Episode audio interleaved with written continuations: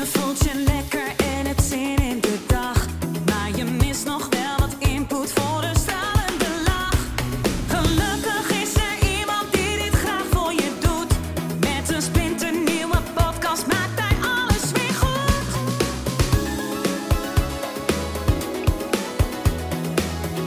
Maak weer eventjes vrij voor Edwin Selij.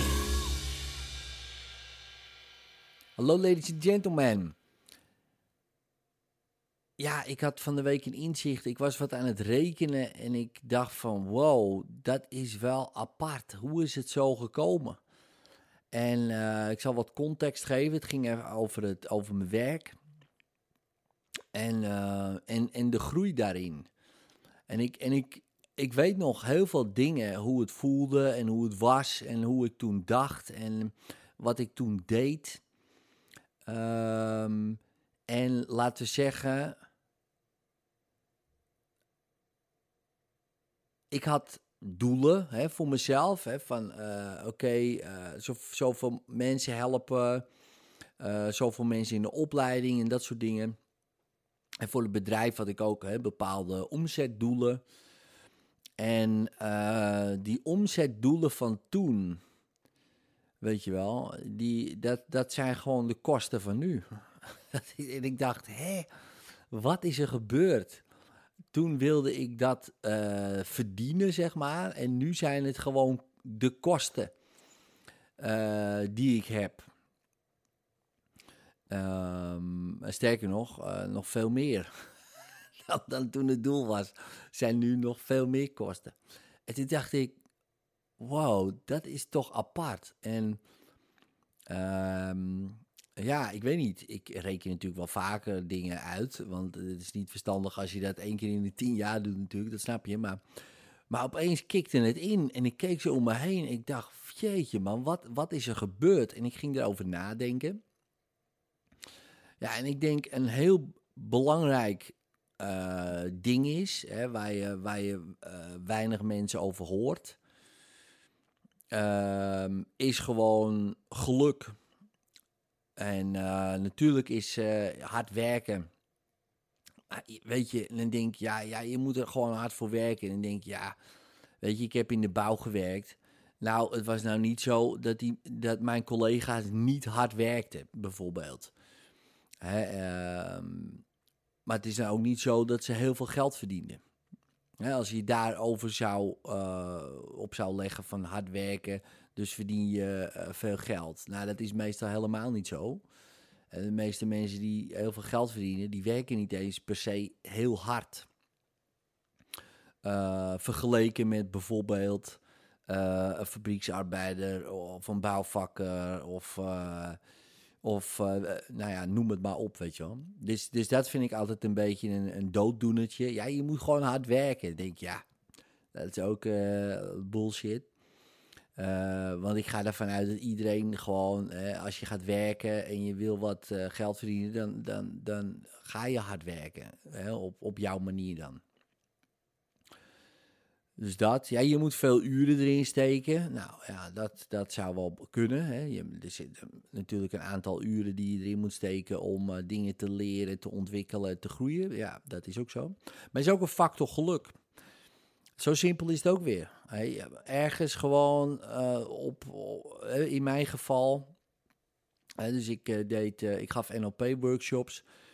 En nou, daar kwamen iets van zes, zeven mensen op af, weet je wel. nou, dat is prima voor een workshop. hartstikke leuk, echt super tof. Maar toen gaf ik een hypnose-workshop, samen met Martijn. vanuit dezelfde lijst mensen kwamen er veertig mensen. Vijf keer zoveel. En toen dacht ik, oh, dat is ook wel interessant, weet je wel. En, uh, en van daaruit ben ik gaan denken van, goh, ja, hypnose man, dat vond ik sowieso al tof, weet je. Uh, omdat ik daar in die ontwikkeling was. Ik was van NLP, toen ging ik hypnose. Maar dat is ook een beetje zo'n lucky shot. Want stel je voor, hadden zes mensen op afgekomen. Dan had ik blijven hangen bij NLP.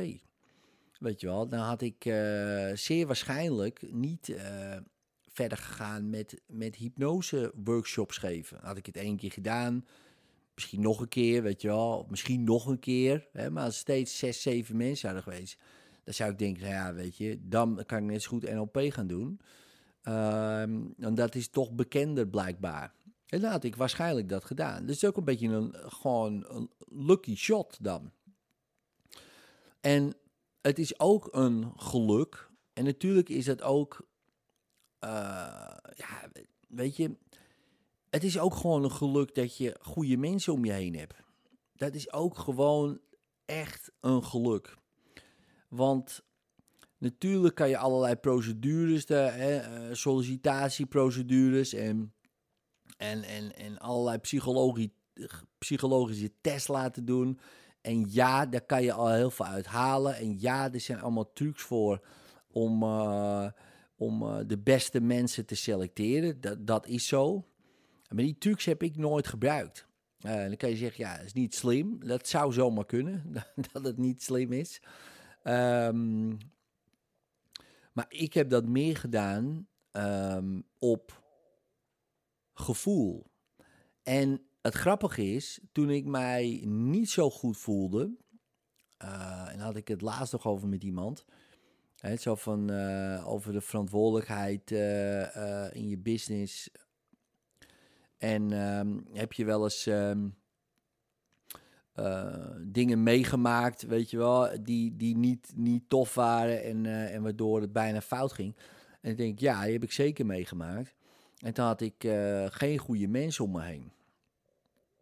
En voor, voor mij en voor het bedrijf. Hè. Niet dat die mensen niet per se niet goed zijn, uh, helemaal niet. Maar, maar gewoon uh, voor, voor het bedrijf.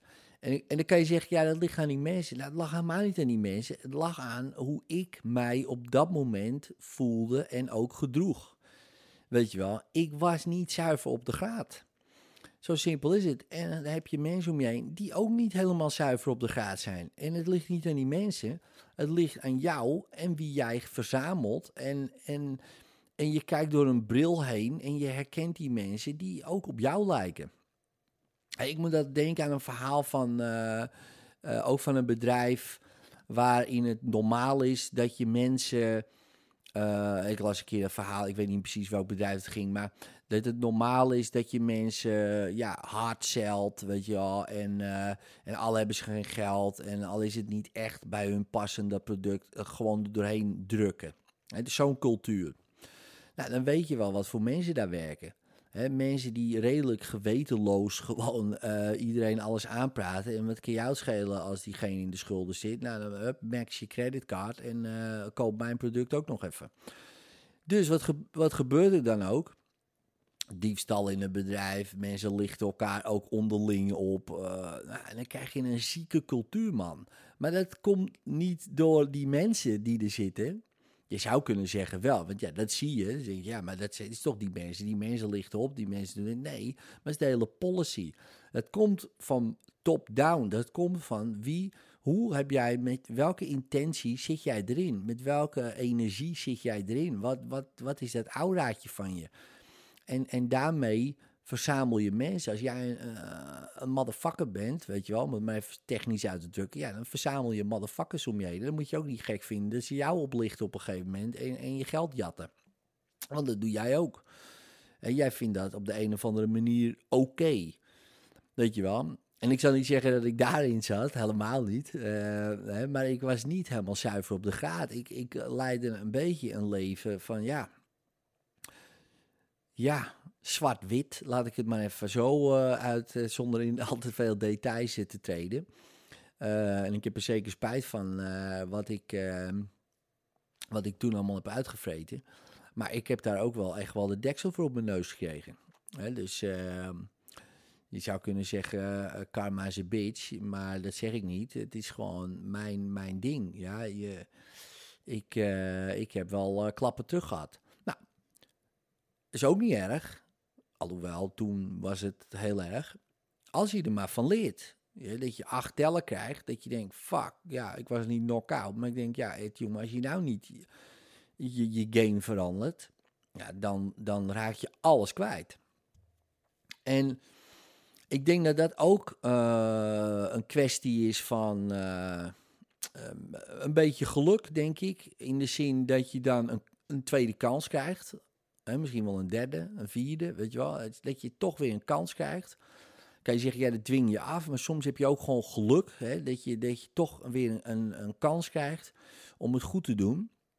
En als je dan die kans pakt, want dat is het wel natuurlijk. Als je weer hetzelfde doet, weer hetzelfde, ja, dan, dan op een gegeven moment gaat het helemaal naar de kloten. Maar...